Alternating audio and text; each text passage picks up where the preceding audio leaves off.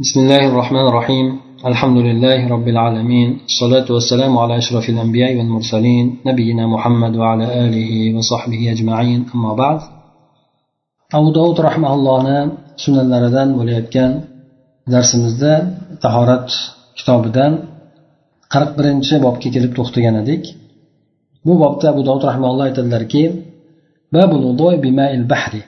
دنجس سوبلان طهارة على شليك دينك bu hadisni abu dovud rahmaulloh abu hurra roziyallohu anhudan rivoyat qilib aytadilarki سأل رجل رسول الله صلى الله عليه وسلم فقال يا رسول الله إن نركب البحر ونحمل معنا القليل من الماء فإن توضأنا به عتشنا أفنتوضأ بماء البحر فقال رسول الله صلى الله عليه وسلم هو الطهور ماؤه الحل ميتته bu hadisni aytib o'tganimizdek abu roziyallohu anhudan rivoyat qiladilar. U kishi aytadilarki rasululloh sollallohu alayhi vasallamni u kishi rasululloh sollallohu alayhi vasallamdan bir odam so'rab qoldi.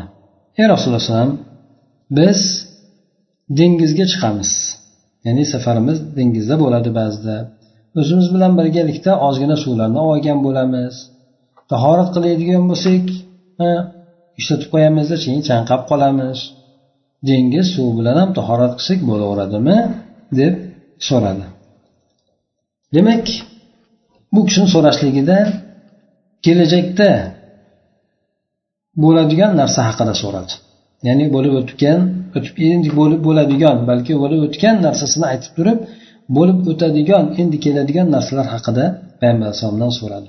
Inson keyincha bo'ladigan narsalardan so'rashligi agar u insonni hayotiga aloqador bo'ladigan bo'lsa shunchaki bir farazan bo'lmaydigan bo'lsa albatta lozim bo'ladi.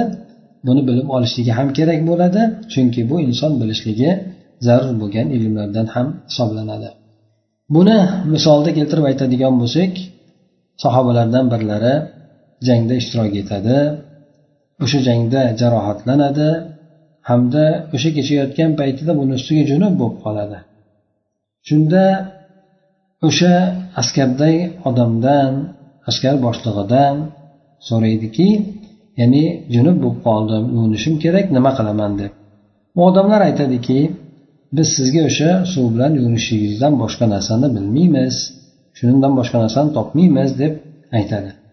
Haligi odam demak o'sha sovuq kechada bo'lib ham jarohatini ustiga sovuq suv bilan g'usul qiladida ana undan keyin o'sha sabablik vafot etadi. Buni xabarni payg'ambar alayhissalomga kelib berishganda payg'ambar alayhissalom ularga qattiq bir koygan holatda alloh taolo ularni qatl qilsin qatl qilib qo'yibsizlaru o'ldirib qo'yibsizlaru deb payg'ambar alayhissalom ularga aytadi. Ya'ni olloh qatl qilsin deb ularni o'ldirsin deb zohirni iroda qilmagan holatda arablarda shunday so'zlar bor. Ana shundan payg'ambar alayhisalom ulardan ularni koygan holatda shunday deb aytadi. Ha bilmas ekan so'rashsalar bo'lmasmidi ha bilmas ekan so'rashsalar bo'lmasmidi deb payg'ambar alayhisalom aytadi. Demak odam o'sha hayotiga aloqador bo'lgan narsalar haqida bir e, bir joyga ketayotgan bo'lsa e, yoki bo'lmasa e, o'zini o'sha tijorati bo'lsin o'zini boshqasi bo'lsin garchi ayni o'sha paytda bo'lib turmagan bo'lsa ham o'sha bo'lishligi kutiladigan shunaqa bo'lishligi ehtimoli ko'proq bo'lgan narsalar haqida so'rab bilib olishligi lozim bo'lar ekan. Bu albatta hali bo'lmagan narsadan so'rashlik haqida bo'lgan qaytaruvlarni ichiga kirmaydi. Ba'zi o'sha fuqarolarni olimlarni muftiylarni odatidan bo'lgan ediki bir narsa haqida palondaqa mabodo bunday bo'lib qolsachi unday bo'lib qolsachi deb degan savollarga oldin o'sha narsa bo'lsin keyin qaraymiz degan javobni berishligiga bu aytib o'tayotgan hadisimizni orasida hech qanaqangi bir ziddiyat yo'q.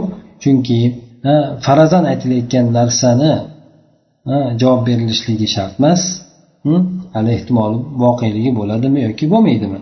Lekin mana bunga o'xshagan voqeligi bo'lib o'tgan bo'lib o'tadigan narsalar haqida albatta so'rab bilishlik kerak bo'ladi. Payg'ambar sallallohu alayhi vasallam ana undan keyin bergan savolga ularni javobidan ortiqroq beriladigan javobdan ortiqroq qilib javob berdilar. Ular suvni halolligi hamda o'shani tahorat qilishlikka yaroqliligi haqida so'ragan edi. Payg'ambar alayhisalom javob qildilarki u dengizni suvi pok bo'ladi hm, bemalol tahorat olaverasizlar hamda unda o'laksa bo'lganlar ham halol bo'ladi deb aytdilar. Demak payg'ambar sallallohu alayhi vasallam ularni yana bir boshqa bir narsaga ham yo'llab qo'ydi. Chunki avvallar dengizga chiqqan odam o'zi bilan birga ozgina oziq ovqat oladigan bo'lsa ham suv olib ozgina ichadigan bo'lsa albatta yo'liga bo'lgandan keyin oziq ovqat ham oladi. Ba'zan bu narsa yetmay qolishligi mumkin bo'ladi. Ana shundan payg'ambar alayhisalom aytdilarki hattoki o'sha o'laksasi bo'lsa ham dengiz hayvonini bu narsa halol bo'laveradi deb aytganlar. Xoh baliq bo'lsin ho boshqa dengizni o'ziga xos bo'lgan hayvonlar bo'lsin ularni o'laksalari bo'lsa ham halol bo'laveradi deb aytganlar. Chunki ularni qoni quruqlikda yuradigan hayvonlarni qoni bilan bir xil emas. Chunki mana baliqlarni ham qonini qaraladigan bo'lsa bu narsa oqroq bo'ladi. Tashqarida yuradigan inson yoki boshqa hayvonlarni ham qonlari esa qizil bo'ladi. Demak o'ziga yarasha o'sha oq bo'lgan qonni insonni organizmiga ta'sirni bo'lmaganligidan payg'ambar alayhissalom bu narsani ham halol ekanligini bayon qildilar. Demak insonni ehtiyoji suvga dengizga chiqadigan bo'lsa suvga ham ozuqaga ham bo'ladi. Payg'ambar alayhissalom ozuqani ham birato'la javobini aytib berdilar.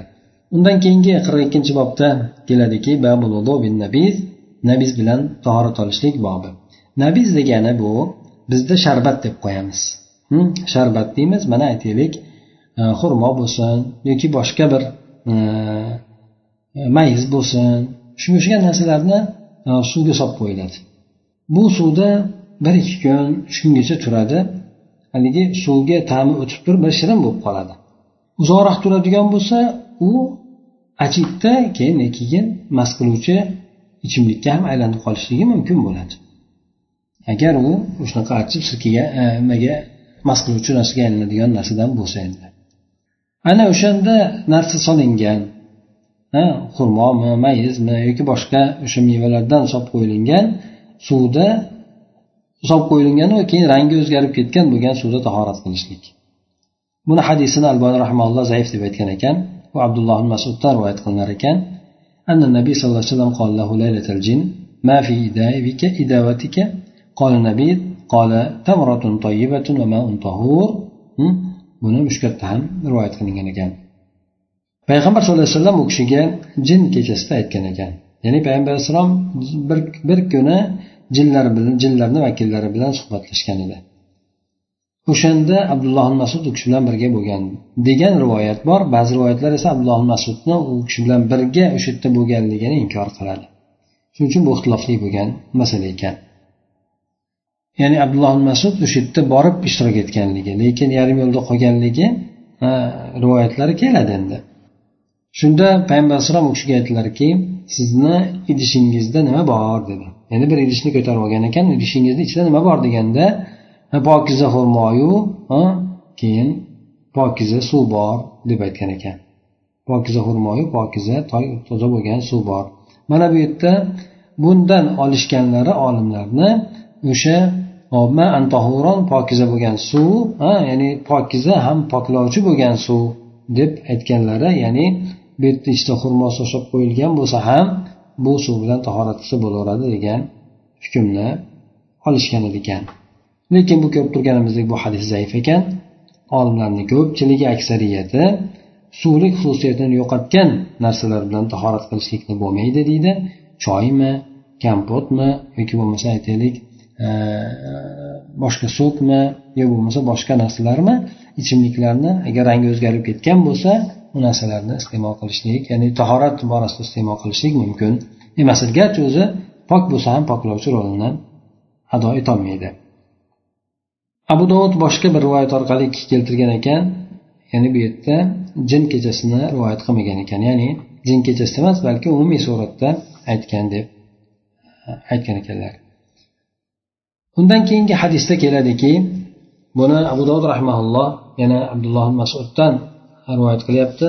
Alqima tobiin aytadiki men abdulloh masudga aytdim. Sizlardan kim payg'ambar sallallohu alayhi vasallam bilan birgalikda o'sha jinlarga uchrashgan kechada bo'lgan edi deganda u kishi aytganlarki u kishi bilan birgalikda bizdan hech kim bo'lmagan edi. Ya'ni uchrashuv bo'lgan paytida payg'ambar alayhisalom bilan birgalikda hech kim birga o'tirmagan deb u kishi aytgan ekanlar. Bu rivoyat sahiy rivoyat ekan. Abdulloh masudni o'zlarigacha bo'lgan rivoyat. Yana boshqa bir hadisda keltiriladiki hop bu rivoyatni ato ibn abi rabohdan rivoyat qilingan ekan. Bu kishi aytgan ekanlarki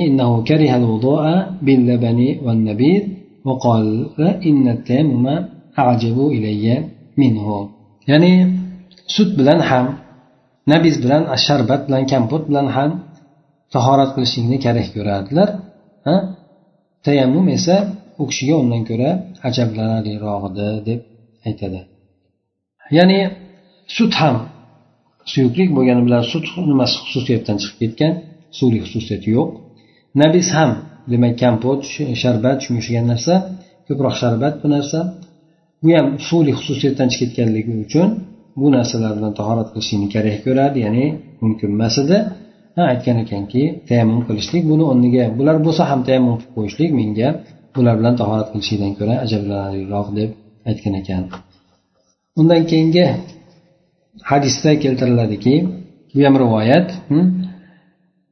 قال سألت أبا العالية عن رجل أصابته جنابة وليس عنده ماء وعنده نبيذ أيغتسل به قال لا أبو العالية أبو العالية بو abdulloh abdulloh ibn abbos roziyallohu anhuni shogirdlaridan bu kishi o'sha bir odam aytadiki abu xolda degan shu abu oliyadan so'rab qoldim Masala bir masala so'radimki bir odam bor. Bu odamga junublik yetib qolgan ya'ni junub bo'lib qolgan yuvinishi kerak. U odamni oldida suv yo'q lekin nabiz bor. O'sha sharbatdan bor. Shu bilan cho'milsa bo'laveradimi deganda u kishi yo'q degan ekanlar. Abu oliya demak abu ato ibn abi robo ham abdulloh ibn e, abbosni shogirdlari. Abdulloh ibn abbosdan rivoyat qildilar. Abu oliya ham abdulloh ibn abbosni shogirdlari hisoblanadi. Demak bu kishidan so'ralgan paytida ham o'sha suv sutni yoki bo'lmasa nabiy sharbatni tahorat suv o'rnida ishlatishlikni mumkin emasligi hattoki inson e, zarurat muhtoj bo'lib qolgan paytida ham bu narsani umuman suv o'rnida ishlatishlik mumkin emas ekan. Lekin endi najosatni ketkazishlik o'rnidachi najosat ketkazadigan bo'lsa bu allohu alam ketkazadi najosatni faqatgina tahoratga yaramaydi. Undan keyingi bob qirq uchinchi bobda keladiki babun odam qistab turgan paytida namoz o'qiyveradimi?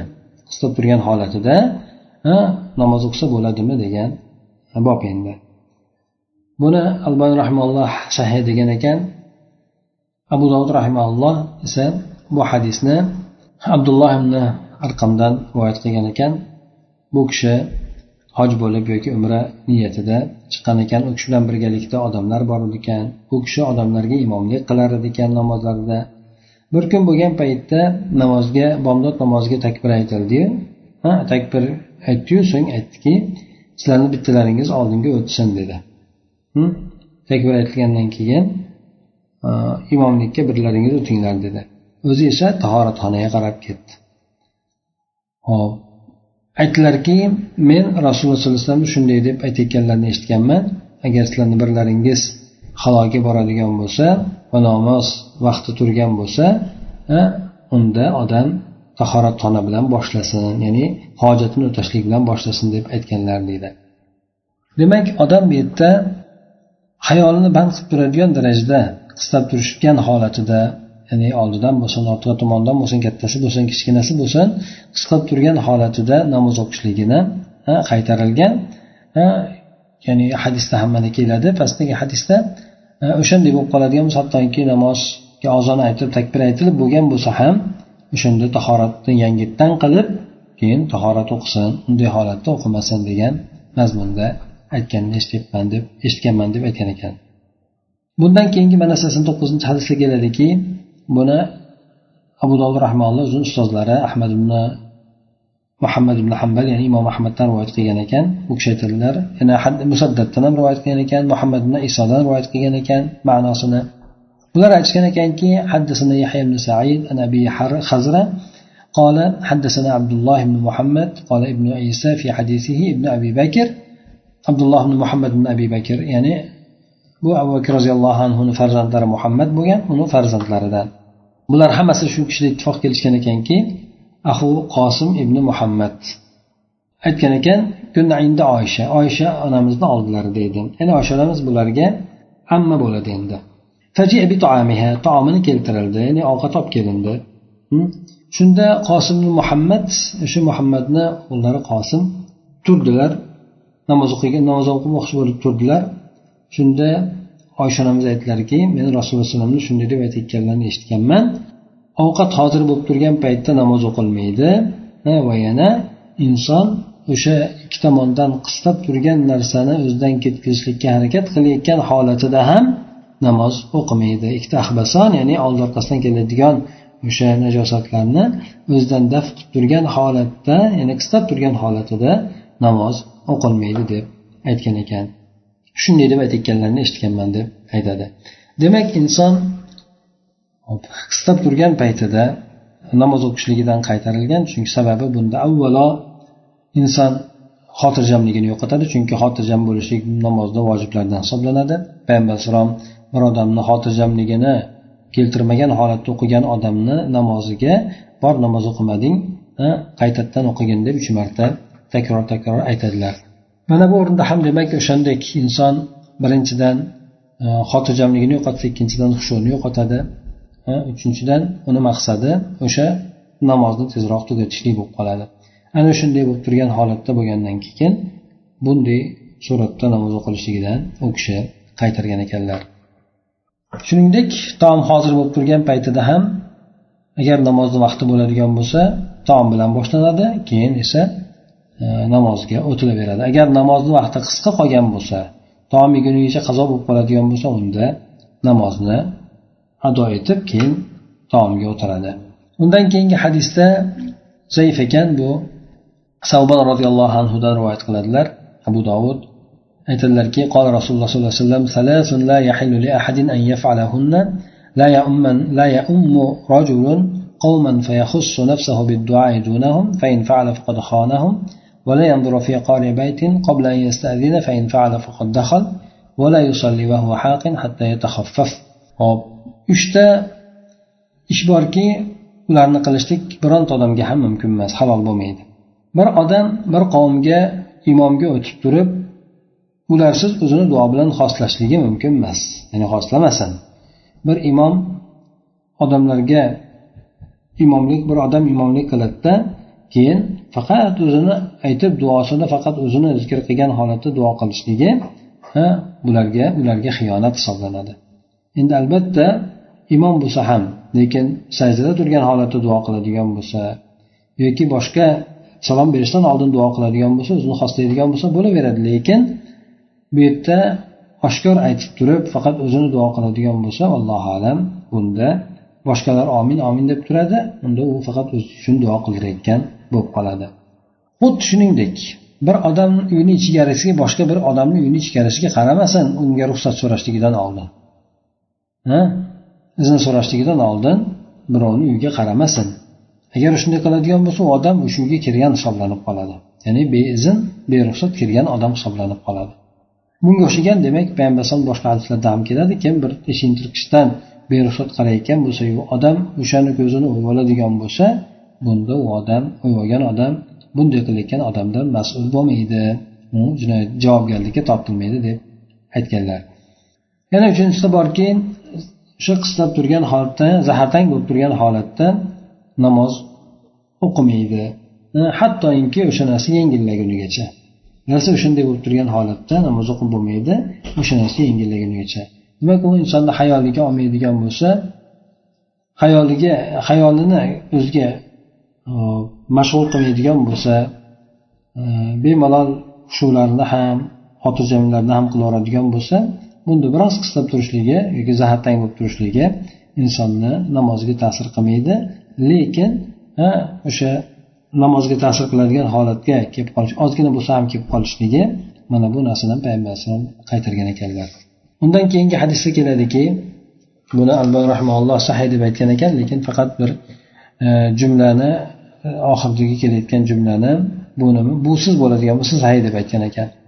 Abu hurra roziyallohu anhudan rivoyat qilgan ekan payg'ambar sallallohu alayhi vasallam aytadilarki la yahillu li rajulin yu'minu billahi wal yawmil akhir an yusalli wa huwa haqinun حتى يتخفف ثم ساق نحوه على هذا اللفظ قال ولا يحل لرجل يؤمن بالله واليوم الآخر أن يؤم قوما إلا بإذنهم ولا يختص نفسه بدعوة دونهم فإن فعل فقد خانهم yana uchta bir odamga halol bo'lmaydi shu uchta narsani aytgan ekanlar allohga va oxiratga iymon keltirayotgan odam uchun ya'ni musulmon mo'min musulmon odam uchun halol bo'lmaydi.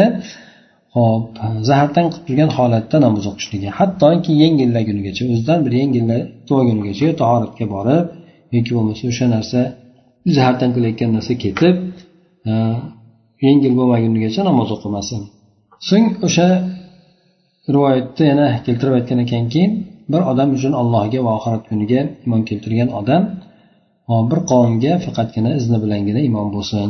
E, iznsiz imom bo'lishlik halol bo'lmaydi degan ekan. Demak bundan odam bir qavmga boradigan bo'lsa o'zidan o'zi imomga o'tib ketmaslik kerak. O'sha yerga borib tushar ekan o'sha yerni imomi imomlik qiladi agar imom taklif qilsa keyin qiladi. Avvalo bu inson ulardagi bo'lgan o'sha o'qilishlik odoblar namoz o'qilishlik odoblarini bilmaydi ko'pincha. Ba'zida o'sha o'zi bir boshqa mazhabda bo'lib qoladi. Bu ham u yerdagilarga fitna bo'lib keltirib chiqarishi mumkin. Xullas kalom iznsiz o'tib bo'lmaydi. Agar ular o'zlari ruxsat beradigan bo'lsa unda bo'laveradi. Hammasi musofir bo'ladigan bo'lsa unda musofir odam o'zlari o'qiydigan bo'lsa bo'laveradi. Masalan bir joyga bordi faqat bir uy egasi bor.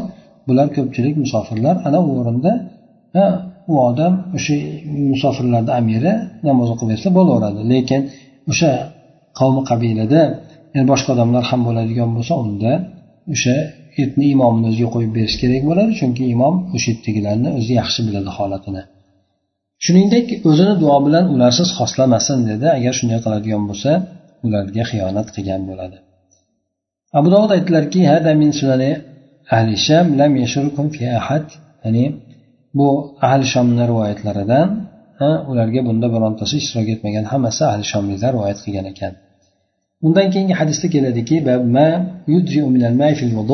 tahoratda e, kifoya qiladigan suv miqdori bobi e, bu. Hadisda oysha onamizdan rivoyat qilinar ekan aytadilarki payg'ambar sallallohu alayhi vasallam e, bir so bilan yuvinardilar bir mud bilan esa tahorat olardilar. Bir so bir so degani to'rt mud bo'ladi. Hm? Ho'p bu bir soni miqdori taxminan ikki litrdan oshiq ikki yarim litr atrofida. Ikki yarim litrga. Ba'zi nimalarda hisob bilan uch litrgacha boradi. Uch kilogacha uch litrgacha boradi. Lekin ko'pchilikni hisob bilan ikki yarim litr atrofida bo'ladi. Ya'ni ikki yarim litr suv bilan payg'ambar alayhisalom g'usul qilar edi va bir mud bilan ha bir mud taxminan bir hop olti yuz gramm atrofida keladi. O'shanday bo'lgan idishdagi suv bilan tahorat olardilar deydi. Bunga o'xshagan demak rivoyatlar ko'plab keladi. Mana undan keyingi hadis. Jobir roziyallohu anhudan rivoyat ekan. Payg'ambar sallallohu alayhi vasallam o'sha so bilan yuvinardilar mud bilan tahorat olarishi bir mud bilan tahorat olardilar deydi ya'ni yuqoridagi o'tgan hadisni boshqa yo'ldan kelgan rivoyati. Bu ham sahih ekan. Umma ammoridan rivoyat qilingan hadisda esa payg'ambar sallallohu alayhi vasallam tahorat oldilar. U kishiga ho'p ya'ni bir mudni uchdan ikki qism miqdorida suv bo'lgan idishni olib kelindi. O'sha suv bilan payg'ambar alayhisalom tahorat oldilar dedi. Ya'ni bir mud emas bir mudni uchdan ikki qism bo'lgan bir muddan ham ozroq. Ya'ni bu payg'ambar alayhissalom tahorat olgan eng oz miqdordagi suv. Ya'ni bu to'rt yuz gramm besh yuz gramm atrofidagi bo'lgan suv yarim litr bo'lgan suv endi. Ya'ni bu narsa albatta payg'ambar alayhissalom mana shundan boshqasini ishlatgan emasligini bildirmaydi bu narsa. Ya'ni bu narsa payg'ambar alayhisalom aksar holatlari yana undan tashqari mana bundek holatdagi bo'lgan suv bilan tahorat olishlikni olimlar mustahab amal deydi. Ha ya'ni inson agar undan ko'ra sal ko'prog'iga muhtoj bo'ladigan bo'lsa undan ko'prog'ini ishlatadi lekin suvni isrof qilmaydi. Albatta payg'ambar alayhisalom bunchani ishlatib tahorat qilganligi yuvinganligi doimiy bir xil suratda mana shu suratda bo'lmagan deb olimlar aytishadi. Undan tashqari yana bu narsa albatta shu yo'llangina tahorat qilish kerak deganini anglatmaydi. Ya'ni payg'ambar alayhisalom o'zlarini qilgan ishlari mana shu bo'lgan. Undan keyingi mana to'qson beshinchi hadisda keladiki anas roziyallohu anhudan ekan payg'ambar sallallohu alayhi vasallam payg'ambar alayhisalom tahorat olardi ikki ratlni o'z ichiga oladigan idish bilan. Ya'ni ikki ratl degani taxminan bir ratl to'rt yuz ellik gramm atroflarida hm? ya'ni ikki ratl to'qqiz yuz gramm bo'ladi. To'qqiz yuz grammlik idish bilan ya'ni salkam bir litr bo'lgan idish bilan tahorat olardi. Ya'ni bir so bilan o'sha ikki yarim litr atrofidagi suv bilan g'usul qilardi payg'ambar alayhissalom buni butun jasadiga yetkazardi g'usul qiladigan bo'lsa tahorat qiladigan bo'lsa ham tahoratini mukammal qilardi lekin isrof qilmagan holatda ozroq ozroqdan ishlatar edi. Albatta o'zinglar bilasizlar avvalda suvni ancha tanqisligini madinada bo'lib ham makkada shunga o'xshagan joylarda suvni juda ham tanqisligidan e, tanqisligi ma'lum edi. Shuning uchun bularda suvni iste'mol qilishlik mana shu narsaga qattiq ahamiyat berilgan edi. Bundan tashqari bo'lgan joylarda ham hattoki kengchilik bo'lgan o'rinlarda ham suvni oshda isrof qilishlik tahorat qilishlik bobida durust emasdir. Undan keyingi hadisda anas roziyallohu anhudan bu rivoyat qilingan hadisda yana aytadilarki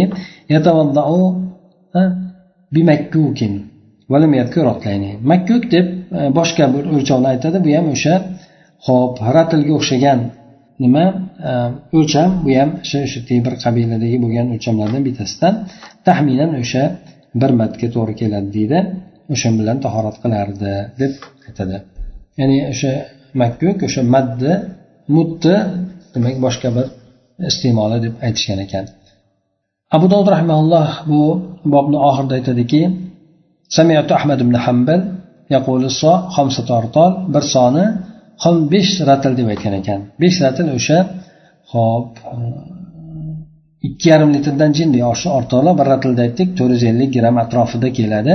Demak o'sha beshta bo'ladigan bo'lsa hop salkam ikki yarim litr atrofida bo'lar ekan.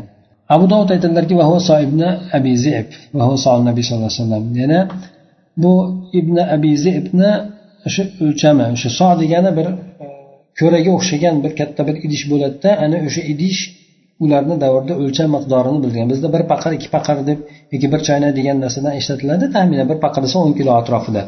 Bularda ham o'sha so avval ishlatilgan ekan endi hozirgi kilo boshqa narsalarga o'tib ketilgan. Avvalda shu narsa iste'mol bo'lgan ekan. Ya'ni buni soga solishlik makil deb aytiladi. Tarozida kilo qo'yib o'lchashlik esa vazn deyiladi. bu o'sha roviylardan bittasi ibn abi deb o'sha kishini ishlatadigan so so bilan barobar bo'lgan ekan payg'ambar alayhisalomni solari uni o'shani miqdorida bo'lgan edi deb aytadilar undan keyin to'qson oltinchi mana hadisda o'sha tahorat qilishlik borasida isrof isrofga yo'l qo'yishlik bobi ekan buni abdulloh ibn mug'affal sahobiylardan birisi o'g'lini shunday deyayotganligini eshitib qolgan ekan اللهم إني أسألك القصر الأبيض عن يمين الجنة إذا دخلتها قال أي بني سل الله الجنة وتعوذ به من النار فإني سمعت رسول الله صلى الله عليه وسلم يقول إنه سيكون في هذه الأمة قوم يعتدون في الطهور والدعاء abdulloh mug'affal roziyallohu anhu o'zlarini o'g'illarini shunday deyayotganini eshitgan ekan allohim men sendan jannatga kirgan paytimda o'ng tomondagi bo'ladigan oq qasrni so'rayman deb duo qilgan ekan bu kishini o'g'illari Shunda aytgan ekanki bu kishi ey o'g'lim alloh taolodan umumiy suratda jannatni so'rayvergin do'zaxdan panoh so'ragin jannatni palon palon joydagi piston qasrda deb so'ramasdan. Chunki men payg'ambar alayhissalomdan aytayotganlarini eshitgan edim. Bu ummat ichida hali tahorat qilishlik borasida ham duo qilishlik borasida ham juda chegaradan chiqib ketadigan odamlar bo'ladi deb aytayotganini eshitganman deb aytgan ekanlar. Demak bu yerda tahoratni qasddan ko'paytirib yuborishlik oshiqqa qorishlik mumkin emas. Payg'ambar alayhissalom masalan bir marta farz bo'ladigan bo'lsa ikkinchi marta uchinchi martasi sunnat uchinchi marta bo'lgani mukammal sunnat hisoblanadi a'zolarni uch martadan yuvishlik lekin endi undan oshirib qasddan yuvishlik harom bo'ladi deb aytishgan olimlar. Chunki bu o'sha payg'ambar alayhisalom ko'rsatib bergan e, o'rinda e, ziyoda qilishlik bo'ladi shuning uchun mumkin emas deb aytishadi. Endi inson agar shubhalangan bo'lsa yetmay qoldimikin degan bo'lsa unda o'sha miqdorda yana qo'shib yuvib qo'ysa bo'ladi. Lekin e, yetgan uch marta bo'ldi degandan keyin ham tahorat qilishlik maqsadida ko'paytiradigan bo'lsa mumkin emas. Lekin endi inson o'zi qo'llarini yaxshilab yuvib boshqa maqsadda bo'ladigan bo'lsa unda tahorat qilib bo'lgandan keyin o'sha a'zosini ko'proq yuvishligi ba'zan E, inson ehtiyoj sezadi bir narsa hidi o'rnashib qolganligi bosh bo'lganligi uchun ana o'sha narsani taholatdan alohida suratda qilganligi ma'qul bo'ladi. Shuningdek duo borasida ham e, haddan oshib ketadigan odamlar bo'ladi deb aytgan ekan. Duoda mana yuqorida misol suratda keltirildi. Bu odam e, duo qilishlikda me'yordan chiqib ketishligi. Yana undan tashqari yana me'yordan chiqib ketishlik suratiga e, boshqa duo suratlari ham kiradi. Masalan aytaylik bir yoshi o'zi qarib vafot etay deb qo'ygan odamga parvardigor olam shu bilan o'zing islomga quvvat ber boshqa ber deb bu odamni xosatan bu hokimlarga taalluqli shunday duolar qilishlik bu ham ba'zida olimlar aytishadiki duoda haddan oshishlikdan hisoblanadi deb aytishgan edi. Shuning uchun demak duo qilishda ham odam me'yorida bo'lishi kerak. Umumiy suratda xosatan so'raydigan narsalari bo'lsa ham xosatan so'rash kerak lekin bunda o'sha juda chegaradan chiqib ketadigan darajada yuqoridagi misol kabi inson duo qilishligi to'g'ri emas ekan. To'qson yettinchi hadisda keladiki bu tahoratni mukammal qilishlik borasidagi bob ekan. Buni abdulloh ibn amr ibn as roziyallohu anhudan qilingan rivoyat payg'ambar sallallohu alayhi vasallam bir odamlarni ko'rdilar bularni to'piqlarini orqalari hamda tirsaklarini orqalari aqob deb o'sha nimasini aytadi. To'piqni orqa tomonini aytadi. Oshig'ini orqa tomonlarini aytadi hamda inson tirsagini orqa tomonlarini aytadi. Ana o'sha joylarga inson tahorat qilmagan e, qilgan paytida e'tibor bermaydigan bo'lsa o'sha joylarga suv tegmay qoladi. Suv tegmagandan keyin u odamni tahorati butun bo'lmaydi tahorati butun bo'lmagandan keyin namozi butun bo'lmaydi. Shunda payg'ambar alayhissalom bir odamlarni ko'rgan ekanki bularni o'sha oyoqlarini tirsaklarini orqalari yaltirardi ekan ya'ni suv tegmaganligidan. Shunda aytdilarki shunday e, ko'rinardi ekan suvsiz ko'rinardi ekan. Shunda aqoblarga ya'ni orqa tomon o'sha tirsaklarni orqalariga oyoq e, to'piqlarni orqalariga do'zaxdan o't bo'lsin deb payg'ambar alayhisalom aytganlar o'sha joyga suv tekkizmaganligi uchun. Hamda asbig'ul tahoratni to'liq olinglar deb aytgan ekanlar. Bu asbig'ul degan so'zni ko'pchilik e, bu rivoyatni roviyni o'zidan deb aytishadi. Mana shu hadisni o'zini matni deb aytadi. Shuning uchun buxoriy rahmaulloh al amr ya'ni tahoratni to'liq olishlikka bo'lgan buyruqni qo'shib rivoyat qilmagan ekan. Ya'ni bu roviyni o'zini gapidan abu hurayrani gaplaridan yoki bu osni gaplaridan degani anglashiladi. Hadisni o'zi matni esa aqobi minannar deb aytgan. Ba'zilar esa buni ham qo'shib rivoyat qilgan ekan lekin umumiy suratda aytishadiki bu tahoratni mukammal olishlikka bo'lgan buyruq. Bu hadisda emas edi lekin asosiy matn deb. Endi ba'zi boshqalar esa buni qo'shib turib birga rivoyat ham qilishgan ekan. Undan keyin to'qson sakkizinchi demak hadisda keladiki oysha onamizdan rivoyat qilingan ekan. Aytadilar ana va rasululloh sollallohu alayhi vasallam fi tavrin min shabahin. Men payg'ambar sallallohu alayhi vasallam bilan birgalikda o'sha sariq misdan bo'lgan bir tog'orada g'usul qilardik deydi. Ho'p bu yerda hop sariq misdan latun deb qo'yamiz biz e, sufr degani shuni idishlarda tahorat qilishlik yoki uvinishlik mumkinligi tilla kumush idishlarda yuvib bo'lmaydi ishlatib bo'lmaydi u narsalarni lekin sariq e, mis bo'ladigan bo'lsa tillaga sal o'xshashligi bor lekin latun e, tilla emas shularda nima qilsa tahorat olsa bo'laveradi ekan. Yana boshqa bir mana yuzinchi hadisda keladiki abdulloh ibn zayddan kelar ekan. Bu rivoyat jaana rasululloh sollallohu alayhi vasallam payg'ambar sallallohu alayhi vasallam bizga kelgan edi. Biz u kishiga o'sha sariq misdan jezdan bo'lgan idishda bir suvni keltirib chiqarib berdik. U kishi shunda tahorat oldilar deydi avvaldagilar o'sha tog'oraga o'xshagan narsani ko'p ishlatishgan tahorat qilishlikda ham ya'ni o'shani ichiga qo'lni tiqib oldin birinchi qo'lni agar najosat bo'ladigan bo'lsa yuvib oladida. Ana undan keyin uni ichiga qo'lni hovuchini solgan holatda undan olib turib tahorat qilishaverardi ana o'shandek tovur ya'ni e, bir e, tog'ora ana uch tog'oracha shunga o'xshagan narsada suv chiqarib berdik shunda payg'ambar alayhissalom tahorat oldilar deydi demak bunday bo'lgan idishlarda tahorat olishlikni mumkinligi aytib o'tganimizdek tilla kumush idishlarda tahorat olishlikni yoki ularni umuman suratda ovqat taomga ishlatishlikdan ham qaytariladi سبحانك اللهم وبحمدك نشهد أن لا إله إلا أنت نستغفرك ونتوب إليك اللهم انفعنا بما علمتنا وعلمنا ما ينفعنا وزدنا علما